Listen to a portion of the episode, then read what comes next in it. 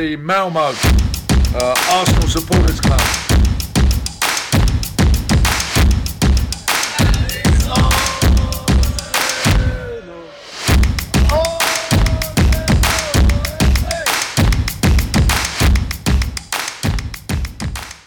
Ja, då hälsar jag välkomna till Arsenal Malmös eh, podcast. Jag heter som vanligt eh, Niklas Lindblad och idag har jag med mig två gäster. Den första är en som fick komma in från bänken förra veckan och har denna veckan spelat till sig en eh, startplats. Välkommen tillbaka Rickard Henriksson. Tack så mycket. Varsågod. Och med mig som nummer två har vi en ny gäst i podden, en ny röst. Rickard Olin. Välkommen. Tack så mycket. Och med tanke på att ni båda heter Rickard så får jag nog ta mig an någon slags militär ståndpunkt här och kallar jag för era efternamn så att vi håller ordning på varandra kanske. Så det blir eh, Henriksson och Olin idag. Är ni okej okay med det eller? Det funkar. Ja, absolut. Ja, men vad bra. Ja. Annars kan du kalla mig The Captain. The Captain? Ja, okej. Okay. Jag får se vad jag, vad jag väljer. Eh, men jag tänkte börja med eh, Olin då som är eller första gången du är med i podcasten. Jag tänkte börja med att höra varför du började hålla på Arsenal. Ja, det här är en riktigt gammal historia kan man säga. Men på min skola när jag gick på högstadiet så åkte vi till London i nionde klass. Så 1978 så eh, begav vi oss till London på skolresa. Och läraren hade fixat biljetter till Arsenal United på Highbury. Bra val. det är bra val. Och eh, de flesta höll på United. Jag vet inte varför. Folk gjorde det på den tiden. Men jag tyckte Arsenal hade så sjukt snygga tröjor. Med röda med vita armar. Så jag höll på Arsenal. Och det var en fantastisk upplevelse. Det blev 3-1 till Arsenal. Super Mac, Malcolm McDonald gjorde två och Liam Brady gjorde ett. Och det var fruktansvärt bra stämning. Ja, det låter som en riktigt häftig sen, eh, upplevelse. Sen dess har jag liksom följt dem, ja, alla matcher. Ja. Eller så. Det känns som man blir rätt hooked också när man ser dem. Alltså så live första ja. matchen och kanske rätt annorlunda mot svensk fotbollskultur. Ja det var det eh, absolut. Alltså på den tiden. Ja. Så är det nog en alltså väldigt annorlunda och spännande upplevelse. Kan ja, jag tänka mig. Det var mycket, mycket, mycket bra stämning. Va? Det påverkar nog ganska, ganska hårt. Japp. Yes. Men då har du ju hållit på Arsenal ganska länge och sett en hel del spelare. Vilken är den bästa genom tiderna då, som har spelat i de granna tröjorna? Alltså min favorit är ju, är ju en från den tiden. Det är ju Liam Brady. Mm. Jag, tyckte, jag tyckte han var fantastisk. Han var både, alltså han, han var mittfältare. Och han var elegant men han jobbade hårt och han hade bra skott och han hade fantastiska passningar. Ja, han var min favorit. Spelande mittfältare. Ja. Det känns som att de alltid har funnits i Arsenal. Även om det var väldigt gruffigt i engelska ligan förr ja. så kändes det ändå som att vi har nog ändå haft en del lirare i laget. Det Trots känns att så. spelet kanske inte har varit så mycket lirande överlag. Nej. Över tid i den engelska ligan. Men vi har alltid haft någon liksom som har varit... Mm. Vi hade ju en del kombinerade grovjobbare och finlirare som mm.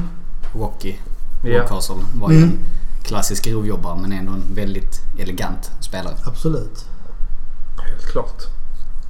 Nej men det har alltid funnits någon med en härlig teknik i laget. Sen uh, Henri är ju kung. Alltså han är ju... Han har ju gjort mycket. ja, jo.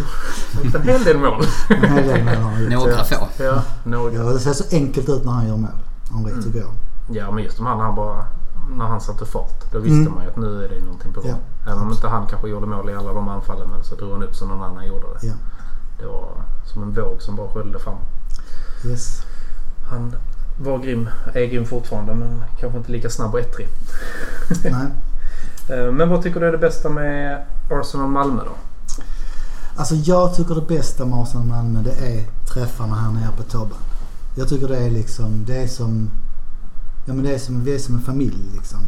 Det är när man kommer ner här så är det som, uh, ja men, träffa nära vänner. Mm. Det är jättetrevligt tycker jag. Ja. Jag tycker det är det absolut bästa. Det var ju vi inne på förra veckan också. Liksom det är gemenskapen att ha någon att kolla mm. matcherna med. Och att ja, man alltid vet att det finns, det finns ju någon ja. som man kan se matcherna med. Det är roligare än att sitta hemma. För Oftast. delad glädje är ju faktiskt dubbel glädje. Ja, och delad sant. sorg är också halva sorgen. Ja, alltså. absolut. Så det blir bättre. Både, både, både man bättre. vinner och förlorar. Liksom. Ja, precis. Så, så blir det bättre. Helt klart. Yep. Jag håller med. Så det är bara att komma ner på våra matchträffar. Och dela glädjen och sorgen. Tills döden skiljer oss åt, eller på att säga. Det hoppas vi dröjer. Absolut. Men eh, ja, apropå sorg och död så kändes det ju lite så. Ska vi bara I- parkera den? Nej, jag tänkte nu vi kan väl få utlopp för lite aggression kanske.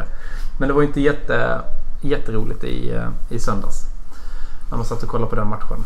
Eh, Ja, vad är era första tankar om det? Ska vi börja med det positiva? Ja, det Eh, så har jag två saker som jag tyckte var bra. Eh, Mesut Özil och eh, Aubameyang. Mm. Aubameyang är där igen, visar vilken klinisk avslutare han är. Och när han spelar från, som central striker så tycker jag han... Det är ett svårt pussel att få in både honom och Lacazette men jag tycker att Aubameyang är bättre centralt än på kanten. Ja, jag håller med. Ehm, Och sen tyckte jag att när Özil kom in, eller startade, vilket var roligt att se trots att jag då blev skyldig Fredrik en öl. Men det var värt det för jag tyckte han gjorde en väldigt eh, stabil ma- match. Ja, men det gör han. Det är kul att bara få in han. Han kommer, också, han kommer nog också bara bli bättre. Jag tror han själv tycker också det är jävligt gött att, att vara tillbaka. Ja, men man ser hur mycket han kan tillföra när han, Ja. är, han är alltid en tillgång. Absolut. Absolut. Jag tyckte också att Aubameyang är jättebra. Alltså han är... Man ser hans klass. Han är livsfarlig framför mål. Det tyckte jag också var bra. Men det var typ det enda också. Ja. Faktiskt. Ja, men det är samma här. Det är... Nej, så alltså det, det brasar ihop. Men det är väldigt, två, två väldigt snygga mål. Tycker jag. Absolut. Speciellt det sista är ju Inte verkligen... Watford eller Arsenal. Nej. Watfords mål är inte så mycket att säga men Arsenal gör ju, eller speciellt det andra målet som jag fokuserar på tycker jag är riktigt snyggt med den, Mm. Vad ska man kalla hockeyassisten från Özil. Mm. Som lägger fram den och kommer inte ihåg vem det var. Om det var, var det Maitland Niles eller det var Pepe? Jag tror det var Maitland Niles som hade smugit Niles, upp ja. där och lägger den uh, rakt in framför mål. Ja. In den. Snett inåt bakåt. Ja. Enkelt och ett klassavslut. Ja. Ja, det var riktigt snyggt. Bra spel. Men där, där tyckte, det var det som var så konstigt där. För att när man ser hela det målet, när de bygger upp till det. Och lite i första också så faller Watford så himla mycket. De pressar inte oss eller någonting. Vi kan bara lalla runt. Och de gör det väldigt enkelt för oss. Men så var det ju inte i andra halvlek sen. Då la de ju på på ett helt annat sätt. Ja. Det är som att det är Och vi spelar annat... sämre också, ska vi ju säga. Ja, det är ett helt annat lag. Sen är det ju väldigt onödigt när vi släpper till reduceringen. Då får ju de... Det hade varit bättre att tänka lite smartare. Eller alternativet hade varit att köra på och gå för 3-0. Mm. Men istället så slappnar vi av, vi faller tillbaka, gör det här onödiga misstaget hos Sokratis. Eh, I övrigt tycker jag han har haft en bra säsong men det, där är ett misstag som... Det är inte okej på den här nivån. Jag tyckte han var grym mot Tottenham alltså, till exempel. Men den här, detta är ju... Det känns ju som de fyra senaste målen vi har släppt in är ju nästan liksom någon form av misstag av våra egna spelare. Ja. Men sen jag tyckte att i övrigt gjorde han väl en helt okej match. Han var inte den som var sämst kanske.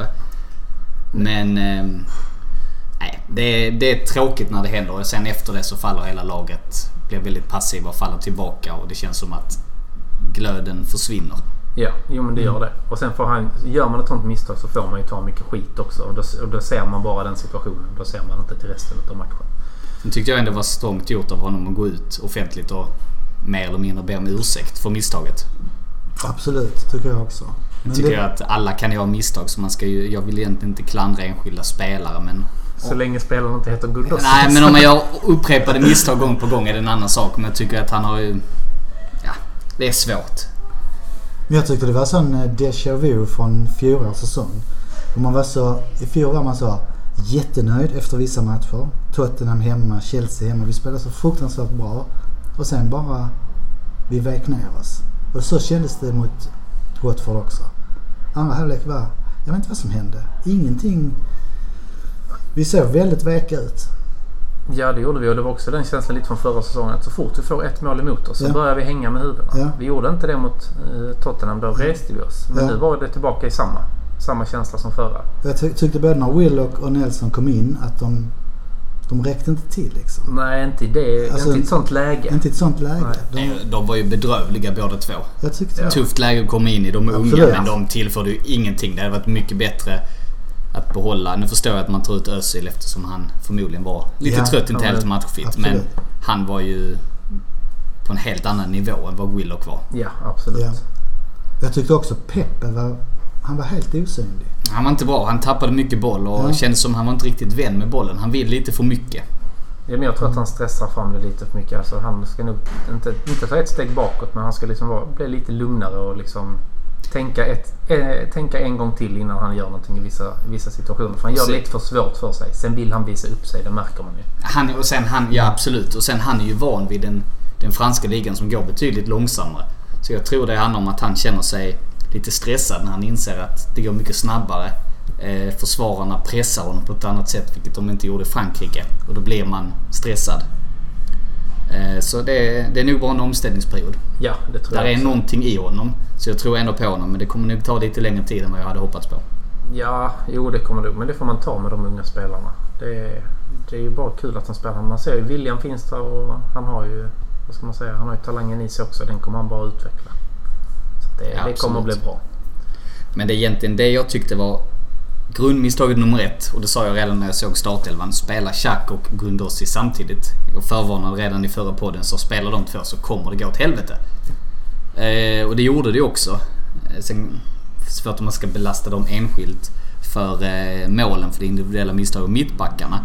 Men i grundformationen och gru, grunduppställningen blir fel med de två. För att de, jag upplever att de springer för mycket in i varandra.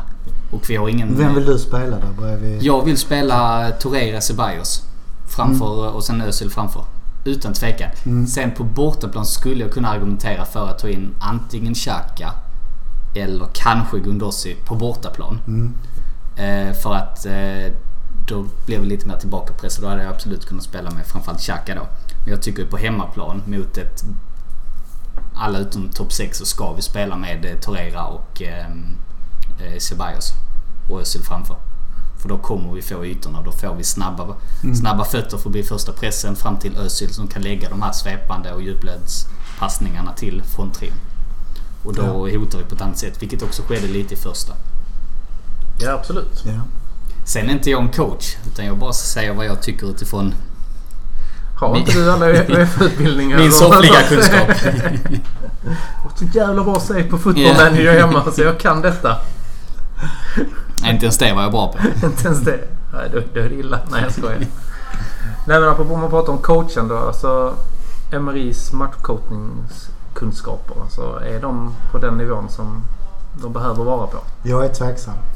Jag tyckte redan det i fjol att han hade jättekonstiga laguttagningar. Jag, är, jag vet inte om det är rätt man.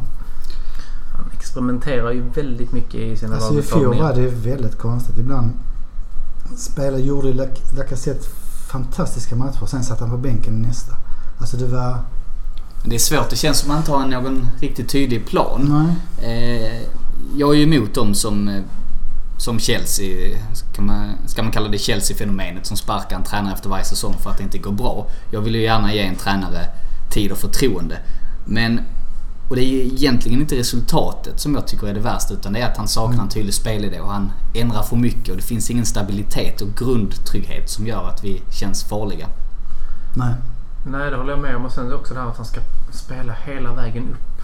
Han, alltså, vi klarar ju inte av det i alla situationer. Så då Nej. får man hitta någonting som spelarna klarar av. Liksom.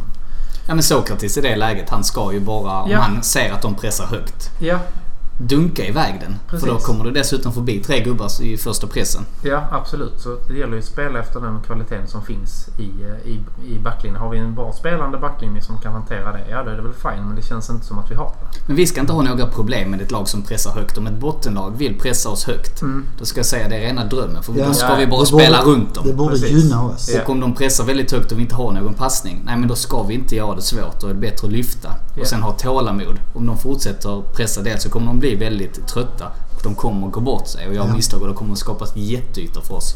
Ja, Ja. Jo, men så, så måste det bli. Så att ett lag Måste pressar ha. oss högt är egentligen bara drömmen. Ja, ja, jo men det är det. Men då måste vi spela på rätt sätt Ja. när vi möter den höga pressen också. Helt klart. Sen vet jag inte om ni läste men det cirkulerade ju lite rykten igår om att vissa Arsenal-spelare de fattar ju inte hans taktik.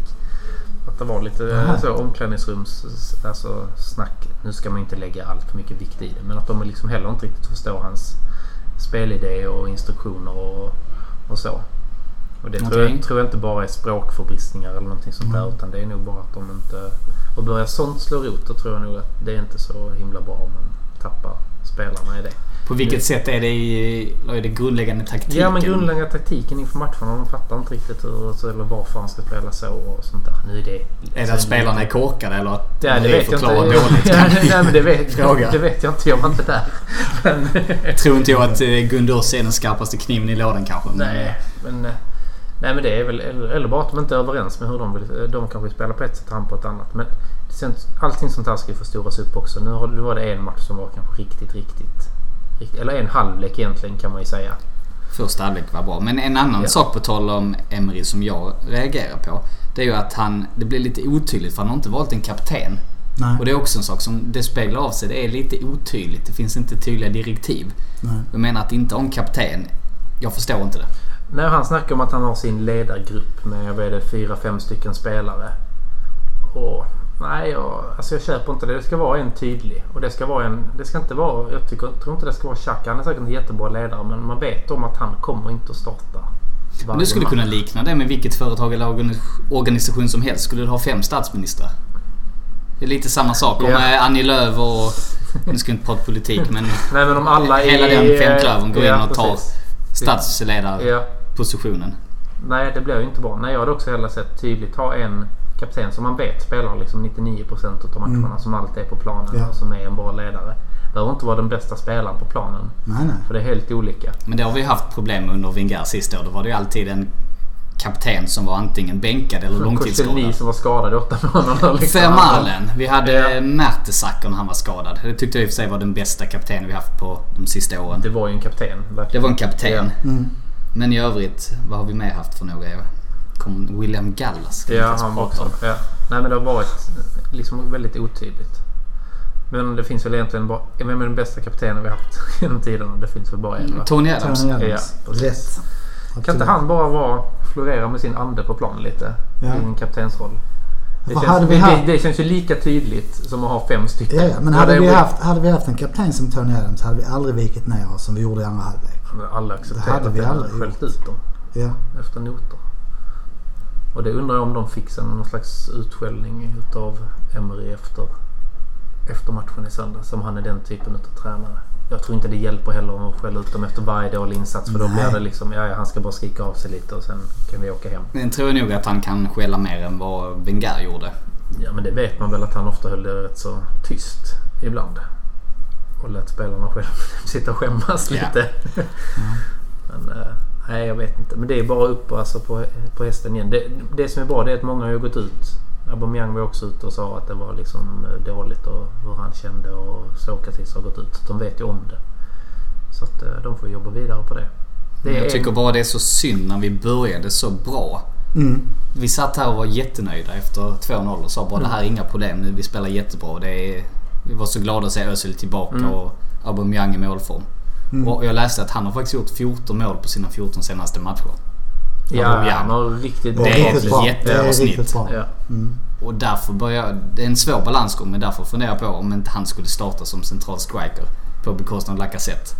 Kontroversiellt och jag är inte helt Jag säker på vad jag tycker. Men jag gillar Lacazette också. Ja, ja. Alltså det är Jag tycker han är en riktig lagspelare. Och, han är en fantastisk spelare men eh, Aubameyangs målsnitt och ja, ja. ja. speciellt då att spela honom som eh, central striker. Jag vet inte, man kanske kan hitta något annat sätt att ha Lacazette som lite mer släpande. För han är bra på att ta emot. Ja, Ta och att han taget. kanske i det offensiva spelet. Jag gillar båda två. Och de är ju lite olika. Aubameyang är lite mer spelande. Lacazette har det här lite mer hårdare in i, inne i boxen. Och det behöver man också.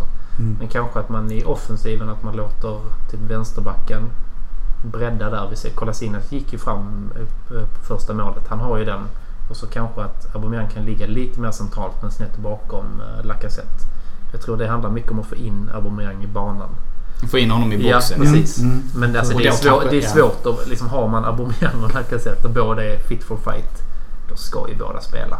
Då ska man testa en Ja, klassisk tycker jag. 4-4-2 Ja, det får man testa annars i så fall. Och då blir vi underbemannade på mittfältet om man då ska rymma Özil också. Den är inte heller Nej, lätt. den, den är svår alltså. Den är jättesvår. Men jag tycker är de, är de i spelskick båda två så då ska de spela. Tycker jag. Ja, Men nu är jo. väl eh, Aubameyang borta, eller förlåt, Lacazette borta månaden ut om jag har förstått det rätt i alla fall. Så att, Ja. eh, Ja, men nu har vi inte så Ja. många matcher i september som tur är kanske. Men det är eh, bara två i ligan kvar. Det är ju Villa och United. United. Ja, just det. Ja. Så att det, ja. Det, känns, det är också så typiskt när man håller på Arsenal. Förra veckan satt vi här och det är så jäkla bra stämning. Det är bra stämning nu också. Men rent liksom, alltså vad man pratar då var det hopp. Åh vad kul att se Arsenal igen. Nu är man liksom bara... Jaha, då var det... Nästa säsong. Det var liksom 1920 säsongen. Vad tror ni om 2021 grabbar? Vad kan hända? Det känns lite så. Men det går ju upp och ner. Så är det ju. Men det kommer ju nya matcher. Men sen Ja, man och kan- jag gillar det Henriksson sa att vi ska, man ska inte... Man, ska, man kan inte ge... Alltså man måste ge tid också. Ja, Även till Emery. Även om och detta är ju första säsongen han har haft någonting. Han ärvde ju rätt han, mycket en han har ju liksom börjat eh, köpa in spelare och göra så med spelare han inte vill ha och köpa nya. Och sen så är det också så. För, första säsongen för Emery, den ska man inte säga så mycket om. Det var se och lära. Det var, Ja. det var som det var. Ja. Och om man ser tillbaka, det är egentligen bara en svag match. Den här säsongen. Ja. Förlorar man mot Liverpool borta, jag tycker att eh, det måste vi acceptera. Ja. Absolut. Det är naivt att inte acceptera det. Så det är egentligen bara ett bottennapp. Ja. Och kan vi snabbt kasta oss över detta och gå rent resten av september och även i oktober där vi har ganska lätta matcher. Mm. Då är vi helt plötsligt med igen. För att Ja. något annat än en tredjeplats är ju det är orealistiskt att tro att vi ska bli ett eller tvåa. Ja, det Så då är det tre eller fyra och blir vi trea jag kommer vara jättenöjd. Ja, absolut. Jag också absolut. Jag vill ha tillbaka en Champions League-plats. Ja. Ja. ja, men det är det man vill ha. Det och sen får vi bygga vidare kanske nästa år då. Kanske Ja. vi kan utmana med ett par bra värvningar. Att vi kan utmana City och Liverpool. Kanske. Absolut. Men att vi ska kunna göra det denna säsongen. Mm. Jag tycker det är helt orealistiskt. Det är topp fyra som Ja. gäller. Ja. Och kanske om vi kan eh, ta antingen Europa League eller eh, någon av cuperna. Ja. Eller ligacupen kan vi skita i. Ja, Men den, den, den kan man vaska. Ja. alltså, Ja, verkligen. Den kan man strunta i. Ja, absolut. Det är ungefär som att vinna Community Shield. Ja, lite så. Eller Audi Cup. Där kom den. Ja, Det är lite bättre Jag hade än lagt den Audi Cup. lite på hyllan men nu plockar jag ner den. de ska väl ha något att fira. Ja, Ja. lite så. Nej, men sen är det också, jag tror att typ som du och jag eh, Henriksson, vi har ju också, vi börjar hålla på dem lite mer på 90-talet. Vi är ju så vana vid att det liksom kommer kontinuerligt liksom framgångar, framgångar, framgångar. Så man har blivit lite bortskämd. Och Lin som har hållit på dem lite längre, du har ju nog ändå gått igenom lite fler tuffa år. Mm. Och har kanske lite mer tålamod på det sättet också. Ja. Ja, 80-talet Tror jag. var väl ingen höjdare. Nej, det var det inte. Nej. Så att eh, det är det också att vi är nog lite bortskämda. En del utav alltså de Arsenal-supportrarna som kommer till de senaste... Nej, men som kom där på 90-talet liksom. Jo men det är ju ändå Då- 22-23 år eller någonting. Ja, ja. Jo, jo. Och ja, om man ja. jämför nej, men de sista 10 åren har ju inte varit jättebra. Nej. Det är några få ljusglimtar där med eh, FA-cupen och vi hade ett bra... och Precis när vi flyttade till Emirates så spelade vi fantastiskt. Visserligen men om man pratar titelmässigt så har, har det varit inte alls bra de sista 10 åren. Nej. Nej, så är det ju. Tyvärr. Men eh, ja, det är väl lite stålbad nu men det kommer att vända. Så det, det finns ju potential i hela truppen. Det kommer att bli bra. Ja, det ser man ibland ju. Ja, men ser ibland jag, ändå, jag tycker, tycker fortfarande att det ser bättre ut än förra året. Ja, det gör Trots att vi tappade poäng då mot Watford. Ja. Men samtidigt förra året, hur många av den här typen av matcher tappar vi inte poäng? Jag menar Watford borta tror jag, slog vi inte förra året. tror till och med vi förlorade väl. Ja, jag tyckte vi kände som att vi förlorade hela tiden på bortaplan. Så Ja. det egentligen borde... Åh, men det är ändå lite upp ett kryss borta. Det, det tar vi med oss egentligen. Men det är också Ja men det var ju mycket att vi gjorde, på. vi gjorde så bra första halvlek. För Watford, jag menar ny tränare. Det har gått jättedåligt i början. De, de, sl, de slogs ju för sitt liv liksom. Och det var ju Ja, också ja. lite taskig timing att första matchen för ny tränare ger de alltid lite Ja. extra råg i ryggen. Varför Och- gör alla lag sin bästa match mot just oss? Ja. Så Så hade vi haft lite... ibland- Hade de haft kvar sin gamla tränare så tror jag att det hade varit en helt annan match. Ja, jag tror och då hade de varit mer nere i, under isen. Det är rätt modigt ändå att sparka en tränare efter bara... Ja. blev det fyra omgångar. Ja och eh, så tar de in en tränare som har varit där innan. Mm. Ja, och apropå den smart. tränaren, jag vet inte om ni tänkte på hans... Eh, det var ju inte jättesmart av honom att bära en grå tröja kan man säga. Nej, han skulle nog valt en Han var annan lite färg. svettig då. lite... Den rök nog i tvätten ganska snabbt när han kom hem. Kändes det som. Verkligen. Welcome to Premier League. Bitch. Hur kommer du ihåg din första match som tränare på Watford? Lite svettigt. Det var jäkligt varmt. Ganska svettigt. Ganska svettigt. Och TV är på plats. Ja, ah, herregud. Ja, nej, men vi får lägga denna matchen bakom oss helt enkelt och så får vi ta det vidare. Och ja, idag är det onsdag när vi spelar in. Glömmer alltid att säga när vi spelar in. Lite jobbigt. Tänka på det. Men eh, det är onsdag idag och imorgon är det ju Frankfurt i Europa League. Och eh, det känns ju som att, jag vet inte, det är så oklart. Vi vet inte vilket lag vi ställer upp med. Kommer till en arena där stämningen är bra och ganska... Det kan nog bli lite gryta där. Det är, ändå en, det är en rolig bortamatch. Det är ändå en inspirerande match i Europa League om man jämför med de som kommer komma. Men, Men det är väl- det är väl bara-.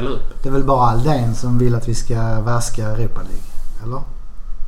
Jag vet inte vad han sagt om denna säsongen. Han Förra bara- säsongen var ju jag- väldigt tydlig. Jag tror, jo men han vill ju alltid att vi... Ja, men han ska ju själv åka dit. Så det, Ska han inte... Eller var det Frankfurt var han det inte skulle? Belgien? Att Liège han han skulle så till. det, ja. Så vet jag inte hur eh, tråkigt han egentligen tycker det men... Eh, jag, Då kommer han nog att trivas. Ja. Det tror jag. Belgisk öl. Ja. Jag skulle ju säga att eh, jag tycker ju verkligen vi ska prioritera Europa League. Jag Och tycker det jag är också. ju roligt att få lite andra matcher. Och Mm. spela matchen torsdag, ja det, det är ju vad det är. Det blir ju alltid... Jag har inga problem i sig att vi spelar på torsdagar. Det tråkiga är att vi alltid spelar söndagar som Mm. resultat av det. Och ehm, nu är det ju, detta är ju den tuffaste matchen på förhand. Absolut. Eh, Frankfurt borta, men kan vi få med oss ett kryss? Vi ska väl helst inte förlora. Men jag har inga förväntningar om att vi måste vinna den. Men kan vi få ett kryss, ja då har vi börjat bra. Och sen då om vi kan spara lite spelare för vi har trots allt match på söndag igen. Och ska jag prioritera de två så skulle jag säga att eh, Aston Villa är mycket viktigare. Jag tycker jag, jag håller med. Absolut. Den är jätteviktig. För jag tror vi klarar av att gå vidare ändå även om vi inte skulle vinna borta mot Frankfurt. Så Mm. det ser jag ändå Frankfurt som den tuffaste konkurrenten i gruppen. Tar vi full pott på de andra två, eller de andra dubbelmötena mot de andra lagen så är vi vidare. Men jag är också nöjd med ett kryss. Jag tror inte vi kommer att ställa upp med den bästa elvan. Tror att Leno kommer att sitta på bänken. Ja. Ja, det tror jag också. Det kan vara att Özil får lite speltid bara mest för att komma igång. Det kan bli i form av ett inhopp för att hålla honom, fräsch tills på söndag. För, precis som du säger, Henriksson säger, söndagsmatch är, är ju viktigare. Mm. Jag tycker också att grejen med Europa League är att det, känns- den ska inte kosta så mycket energi liksom, alltså under gruppspelet. Och sen ha den lite som en försäkring på något sätt. Lite som det blev förra året. Om det skiter sig i ligan så kanske man har chansen att ta sig in till Champions League den vägen. Men vi ska prioritera ligan men vi ska ändå vara kvar i Europa League. Jag tror vi får faktiskt se Mustafi och Chambers i backlinjen. Det är ingen omöjlighet. Nu läste jag nå- något om att Holding var på väg tillbaka eh, och hoppades på att få spela men eh, jag skulle säga att vi har ändå en match på tisdag där han skulle kunna spela istället. Så jag skulle säga att vi kör Mustafi och Chambers. Vänsterback, ja där är inte så mycket att välja på. Och inte högerback heller utan de två får vi spela. Ett alternativ skulle vara om man körde Mustafi som högerback och slängde in Ja. någon av de mer ordinarie mittbackarna. Men eh, Det kommer bli lite semi-reservbetonat på torsdag. Bästa laget på söndag och sen kan det ju bli hela juniorlaget känns det som. Ja, det, Och, på, eh, på nästa tisdag, tisdag ja. mot, Då, eh, de seniorspelarna som kommer starta då, de har ju inte gjort många matcher. Nej, absolut inte. Där skulle ju Holding kunna starta, absolut. Absolut, ja ja. Absolut. Det är en bra match för honom. Det är en bra match och vet jag inte hur det är med Bellerin och Tierney. Det är lite för tidigt Det är lite kanske. tidigt. Ja. Men det är nog att de ska vara tillbaka i full träning under september tror jag i alla fall. Men det är lite för tidigt för dem att, att matcha. Men Holding har ju spelat två minst tror jag i alla fall. Två För U23-matcher. Kan vara tre också men jag vet att det är två. Så att han är ju på gång. Och han... eh, Han var ju riktigt bra alltså, fortfarande. Innan, han blev skadad var han riktigt Mm. Så Ja, att, eh, verkligen. hoppas han kan hitta tillbaka. Jag tror det är bra att få in en, en ung spelare också. För att ha två stycken 40-åringar på startelvan känns ju inte riktigt hundra. Nu vet jag inte hur gamla de är men Louise är ju Så du 40? 40. Det kan jag säga. Nej men de är ju bra, de är en bra bit över 30 båda två. De, är över, de är över 28, det lovar Ja. jag. Ja, ja precis. De är äldre än mig som Ja. kan jag säga. Är du säker på det? Nej jag är inte helt säker. Jag tror det. Jag ska kolla det sen. Louise vet jag är äldre. Det var så himla kul om du var lite gammal. Ja, det är så när man kommer upp några plus år över 30 Ja. så är man lite så här, Fan, jag är så jäkla gammal. Det är ju gammalt från fotbollsspelare att vara Ja. 32, 33. Men sen, nej, inte så gammalt. Det är lite så man tänker. Nej, men vad tror ni då de nästa matcherna? Jag tror kryss mot Frankfurt. Tre poäng mot Villa. Skiter i hur det går mot Nottingham faktiskt. Jag är väl lite inne på samma. Jag tror Ja. att... Eh, jag tror inte vi kommer eh, tappa poäng mot Aston Villa. Det tror jag inte för att då Nej. kommer vi ha en helt hemma. annan Det är inställning. katastrof. Nej, det, det tror jag faktiskt inte. Och hemma har vi ändå varit stabila. Eh, Frankfurt... eh, det är en sån typisk helgardering skulle jag säga. Mm. Den kan gå hur som helst. Ja, vi skulle Mm. både väl, mycket väl kunna vinna, vi kan förlora. Men kryss låter ju kanske mest logiskt då. Eh, speciellt om vi vilar några spelare. Mm. Och jag, jag är nöjd med ett kryss där. Det behövs inte så mycket mer i den gruppen. Det är bara att starta med ett kryss mot den svåraste motståndaren borta. Okej, och sen bygga vidare på det. Ja, det men kryss är liksom- bra. Ja, Ja, kryss funkar. absolut. Men om det är så att vi bara har ett visst antal vinster denna veckan. Så Ja. ser jag ju mycket hellre att vi tar tre poäng på söndag och då Ja, får offra en förlust på torsdag. ja absolut. Det håller jag med om. Annars, eh, nej det är mycket viktigare på söndag att ta de tre poängen. Det är som vi brukar säga när vi spelar golf att det finns bara ett visst antal bra slag per hål. Ja. det är jobbigt. Och då vill vi lägga birdie-slaget på, på söndag. Verkligen. Ja, det är hårt. Ja. Ja, det är motigt ändå att hålla Parson just nu. Men eh, det går ju faktiskt lite bättre för, eh, för damlaget i alla fall. De har ju spelat två matcher sedan förra gången vi spelade in podd. Det var ju första mötet i Champions League mot Fiorentina slutade 4-0. Mm. Jag kollade lite på den matchen, inte hela, men den var ju, det var ju en sån klasskillnad. Jag vet inte om ni såg den eller sett någon highlights, men det var total Ja, klasskillnad. tyvärr inte. Nej. Jag har inte sett någonting från den alls. Det var, det var total klasskillnad. Men sen så var det ju match i, eh, i måndags mot United. Ja. Nu är inte United på damsidan riktigt samma sak som United på herrsidan. Det är inte samma historia. De började ju... De är bättre men på de damsidan va? Ja, ja. ja men det är inte Men de, de, fick, men de fick ju stryk i, premiären med 1-0 mot City. Mm. Som är riktigt bra också. Ja, absolut. Så de är inte... Alltså, De är inte dåliga. De är ju på gång att bli bättre i alla fall.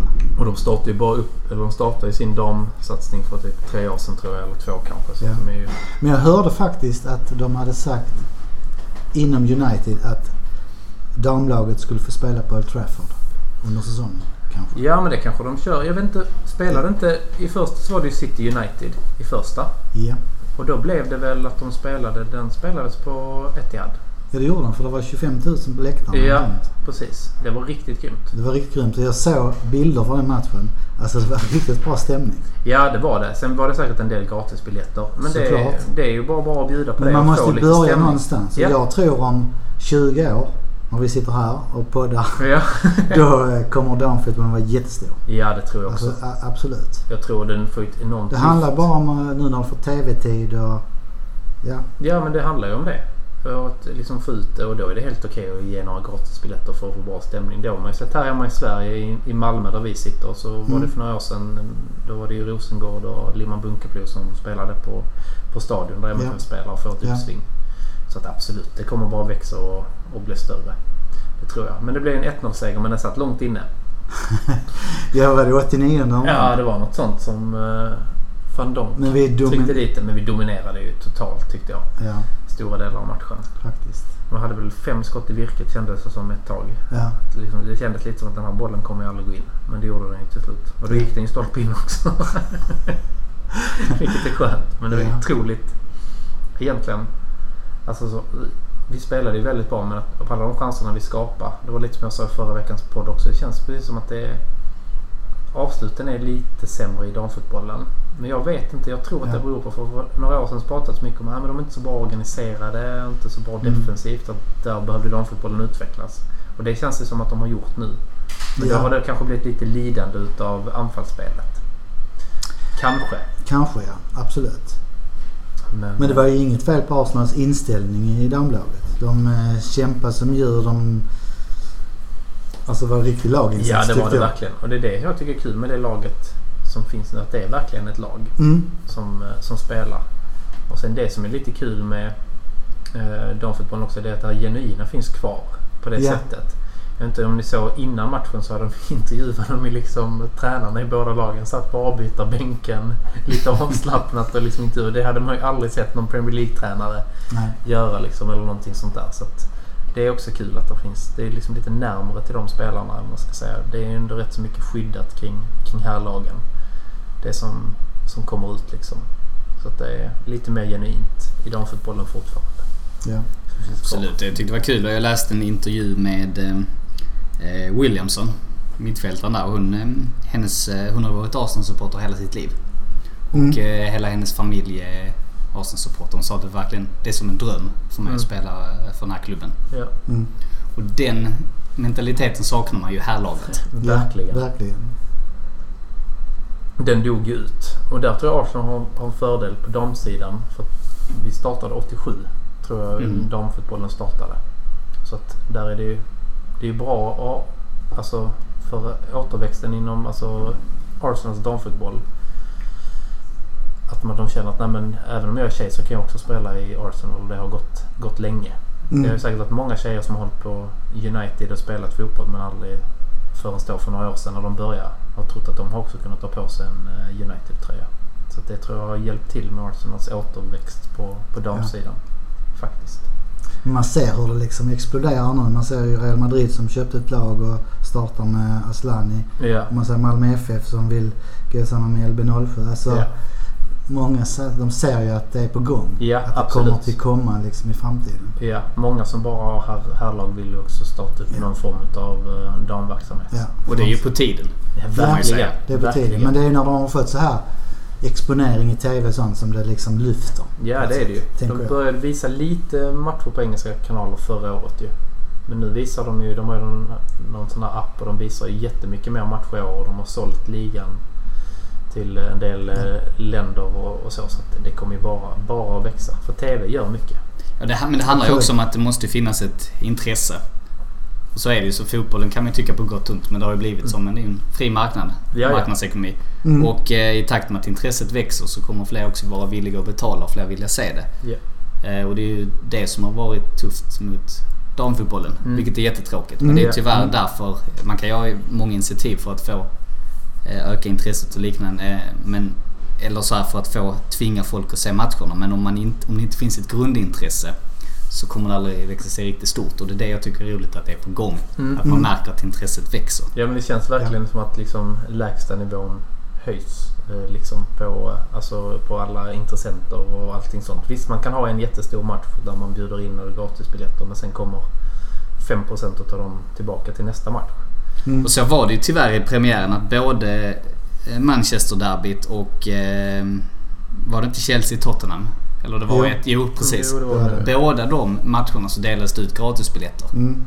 Eh, Det var ju ett sätt Ja. att få upp publiksiffror. De hade ju fantastiska publiksiffror. Men jag Mm. tycker det är tråkigt ändå med gratisbiljetter. I längden är det ju det. Men Bättre att lägga i så fall en symbolisk summa så att det åtminstone... Fri entré. Nej men eh, fem pund så att åtminstone då får du i alla fall de som faktiskt är intresserade. Om du har ett helt gratis då kommer de som går bara för att det är gratis. Men om du lägger ett låg inträde så, Ja. går, så har du i alla fall ett visst intresse av att gå dit. Ja, men det är som att gå på konsert på Malmöfestivalen när det är gratis. Ja. Mm. Där är en massa som inte egentligen gillar artisten. Mm. Alltså, Nej, det är inte lika bra stämning det är inte lika konserten. genuint. Men Nej. om du har ett visst inträde då, då har du ett Ja, visst intresse också att gå dit. gillar det liksom. Ja precis. Absolut. Men det har väl varit 50-60 tusen i Spanien på matcher. Ja, det har Alltså- varit helt otroligt Ja. Så att, men det är på gång. Ja.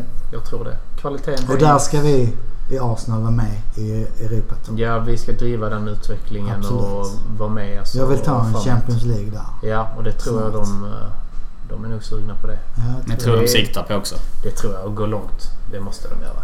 Men Fiorentina känns ju hemma. Går de inte vidare från den matchen med fyra bortamål med sig mot, eh, mot noll så är det ju... Men hur står sig eh, engelska ligan i konkurrensen? Du, du nämnde förra veckan att koeffic- Europakoefficienten var samma för den svenska ligan. Ja, vilket så- vi i och för sig vet är Mm. hög. Ja. Men hur eh, rankar de? För i, på här sidan så är det ju rankat som nummer två. Mm. Jag, tror, alltså jag, skulle, jag tror nog att franska ligan på damsidan och Bundesliga rankas nog högst. Och sen efter där så är det väl England och, och Sverige tror jag. Okej. Eh, väldigt amatörmässig analys men jag tror att det är det. Ja, men jag tror Men det sen också. är det också det är skillnad på lagen i toppen utav uh, uh, Fraue Bundesliga som de heter och de i, i eh, botten. Men jag tror ändå att rankingen ser ut så. Men nu har ju engelska lag börjat köpa mycket. Vi har köpt Midema från, eh, från Holland liksom som är jättebra. Ja absolut. Och andra börjar köpa och Real Madrid startar lag och köper Ja. ihop. Så att, Och det, Lika tror, Mertens har väl varit i England tidigare Ja. också. Ja. Och det Ja. tror jag också är en, liksom, någonting som höjer eh, kvaliteten. Att det är folk från olika nationaliteter i ligorna. För det ökar ju konkurrensen. Är det bara Ja. brittiskor liksom, eller nästintill mm. i den engelska ligan så ökar kanske inte det konkurrensen lika mycket som om det lite så- kommer in. Behöver lite internationella stjärnor liksom. Ja men det också. Och det gör ju också att de som är intresserade av damfotboll och ser Hollands landslag. De kanske då, ja, nu ska vi se här. Nu är det lite Ja. holländskor i, i eh, Arsenal. Då ska vi kanske börja se dem. Mm. Och där kan man ju hoppas på, om man jämför med herrarna, då finns det ju ingen i svenska landslaget som jag tycker skulle platsa i Arsenal. Men i, Eh, nej. Nej, det kan man ju vara ärlig och säga. Det har ryktats lite om Forsberg men Nej. Nej, han är Nej. inte tillräckligt bra. Nej. Det finns ju ingen Han som är i är- närheten av att- platsa. Zlatan var det ju under sin primetime, absolut. Men, Ja. men om man tittar på svenska damlandslaget. Där finns ju ändå spelare Det är ju som stjärnor med europeisk stjärnstatus som Ja, skulle absolut. kunna spela i Arsenal. Ja. Jag tror att den kvinnliga spelarmarknaden kommer bli mer och mer eh, rörlig. Bara Ja. inom de närmsta kanske två, tre åren tror jag det kommer bli att de rör på sig mer. Ja. Och nu börjar ju fler och fler bli professionella också. Mm, Det är ju absolut. tufft att om du spelar som på amatörnivå. Mm. Då blir du mindre eh, rörlig också. Ja, ja absolut. Mm. Så där tror jag den stora förändringen är att de verkligen kan känna att de kan Alltså inte bara gå runt utan även att de kan tjäna lite pengar och, Mm. och lägga undan. För jag tror det har Mm. varit mycket så i damfotbollen. Framförallt i Sverige att ja, de har kunnat spela med det på heltid. Men det har ju inte varit liksom att de har kunnat lägga undan lite pengar. De får skaffa ett jobb sen när de slutar. Ja precis och plugga samtidigt Mm. och sånt där. Nu kan de nog verkligen fokusera på fotbollen. Och det är ju positivt men det kanske är lite för sent egentligen. Men det går åt rätt håll i alla fall men det kanske går lite för långsamt. Men jag tror att damfotbollens nästa tio år, om man säger damfotbollen i stort, är nog väldigt, kommer det hända rätt mycket. Jag tror det kommer att explodera inom fem år. Ja, det tror jag också. Det är riktigt Faktiskt. spännande. Ja. Och där tror jag, där ska Arsenal också vara topp. Ja. Jag brukar väl se Rosengård ibland. Mm. Damerna. Ja. eh, Live. Dels för att du kommer att äta kokt korv med bröd på fotbollsmatcher. Så gjorde man Det är förr du och i- Jan Andersson. Så gjorde man förr i Sverige. Men det gör man alltså. Ja. Men, eh, men det här är spelare i Rosengård som jag tror kan komma. Alltså Hanna Bennison till exempel som Mm. är en ung lovande spelare. Hon kan bli en Arsenal-stjärna i framtiden kanske. ja. Och sen har vi en före detta. Vi har ju Jessica. har en Jessica. Ja, absolut. Hon kan gärna gå tillbaka och spela.